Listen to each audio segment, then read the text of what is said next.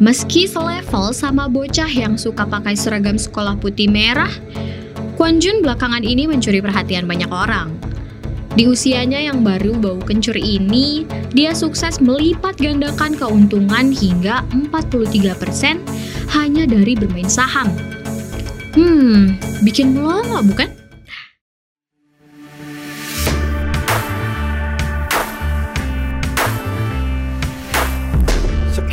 Future. Start invest. It's time. Hai teman-teman Omfin Channel. Hmm, apa sih yang ada di bayangan kalian kalau lagi bicarakan bocah berusia 12 tahun? Hmm, lagi senang-senangnya main game online atau ngerengek sama orang tua untuk minta beliin iPhone atau atau hmm, lagi suka sama gebetan. Yang mana kalian umur 12 tahun? Sebentar, sebentar. Jangan jawab dulu. Sebelumnya terima kasih untuk kalian yang sudah mantau di Cerves, cerita investasi yang menarik untuk dibahas. Oke, bocah 12 tahun yang mau dibahas adalah Kwon Jun. Ini bocah lelaki asal Korea Selatan yang cita-citanya ingin menjadi the next Warren Buffett. Penasaran bagaimana bisa bocah 12 tahun ingin menjadi Warren Buffett? Yuk kita mulai! Meski selevel sama bocah yang suka pakai seragam sekolah putih merah, Kwon Jun belakangan ini mencuri perhatian banyak orang. Di usianya yang baru bau kencur ini, dia sukses melipat gandakan keuntungan hingga 43% hanya dari bermain saham. Hmm, bikin melongo bukan? Vina sih umur 12 tahun kayaknya belum kepikiran deh apa itu saham dan bagaimana sih cara pemainnya. Beda sama Kwon Jun yang sudah kenal siapa itu Warren Buffett yang dianggap sebagai bapak panutan investasi. Meski belum kenalan secara langsung, Kwon Jun sudah terpesona nih sama bapak yang satu itu. Bahkan dia bercita-cita ingin menjadi the next Warren Buffett di usia dewasanya nanti. Sebagai informasi, Warren Buffett adalah salah satu orang terkaya di dunia, pemilik perusahaan investasi Berkshire Hathaway Inc. dan investor saham paling sukses di dunia. Indeks bilioner Bloomberg menempatkan Buffett di urutan nomor 9 dunia dengan kekayaan bersih 91 miliar US dollar atau setara 1274 triliun. Wow. Balik lagi nih. Dari mimpinya ingin menjadi the next Warren Buffett, hobinya di dunia investasi saham pun muncul.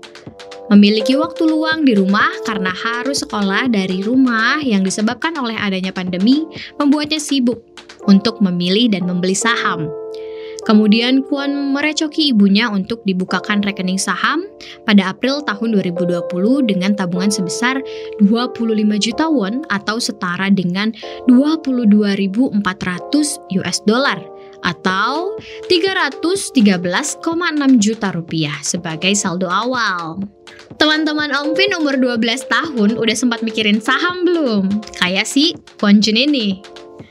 Mujurnya nih, pembukaan rekening Kwon tepat bersamaan ketika indeks acuan Kospi di Bursa Korea Selatan mulai pulih dari penurunan terbesarnya selama satu dasawarsa atau dalam 10 tahun terakhir.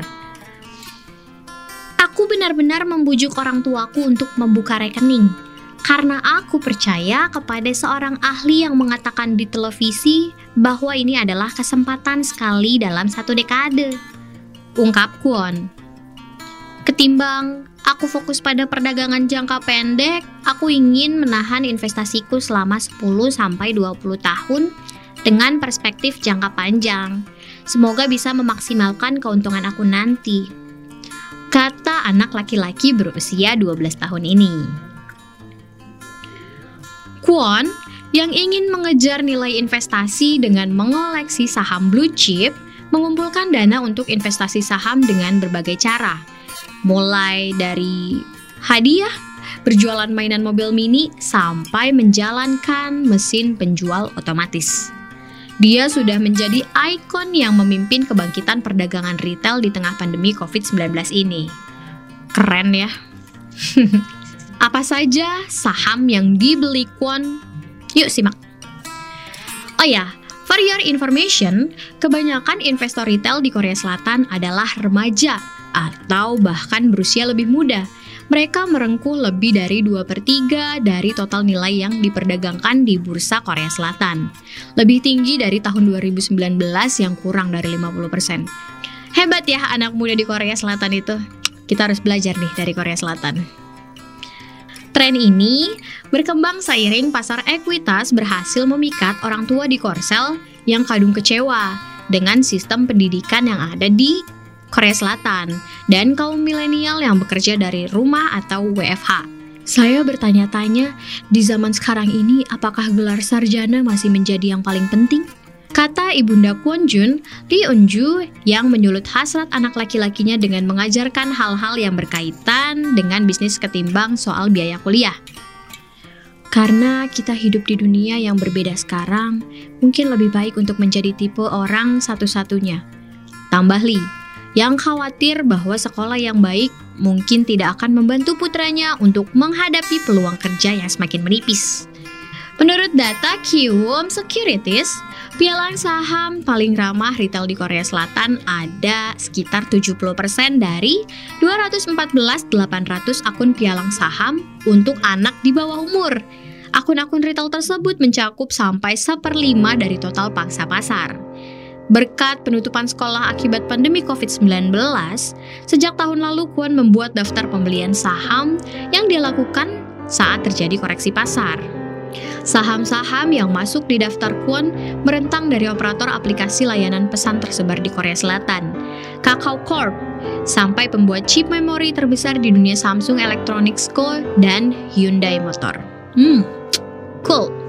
Keberhasilan Kwon ini tentu merefleksikan adanya tantangan ketenaga kerjaan bagi anak muda Korsel. Meskipun negeri gingseng ini berada di kelompok paling berpendidikan tinggi, di kelompok OECD, the Organization for Economic Cooperation and Development negara-negara maju. Menurut data, tingkat pengangguran di kalangan pemuda Korea berusia 15 dan 29 tahun melonjak menuju rekor baru sebesar 27,2 persen pada Januari. Ini akibat jumlah lapangan pekerjaan di Korsel yang merosot tercepat dalam dua dekade terakhir di tengah pembatasan untuk menangani COVID-19 ini. Dilansir dari Reuters, 3 per 4 orang melanjutkan ke perguruan tinggi setelah mengenyam sekolah menengah. Tidak ada cukup pekerjaan untuk lulusan perguruan tinggi, sehingga banyak yang memilih mendiversifikasi jalur karir mereka lebih awal. Kata peneliti kejuruan Min Sok Hun. Kwon memahami situasi ini. Kata Kwon, ketimbang bersekolah di sekolah yang bagus seperti di Universitas Nasional Seoul, saya lebih baik menjadi investor besar. Aku pun berharap dapat melakukan banyak pekerjaan amal nantinya. Pungkas Kwon. Yup, bagaimana teman-teman Om Vin? Sudah termotivasi untuk bermain saham? Sama, Vina juga. Tapi selalu Vina ingatkan ya, bermain saham itu rumusnya adalah high risk, high return. Jadi, kita memang wajib paham dulu saham apa yang mau kita pilih. Jangan sampai salah pilih saham karena mengikuti teman, influencer atau apapun itu.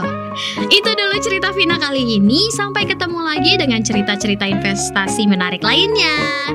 Cuan party, nggak cuan ngopi. 안녕하세요. 저는 12살 권준입니다.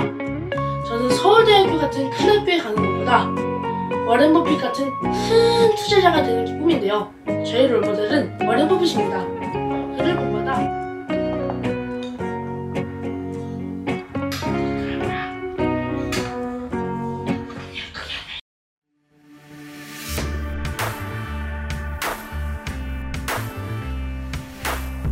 Secure the future, start invest.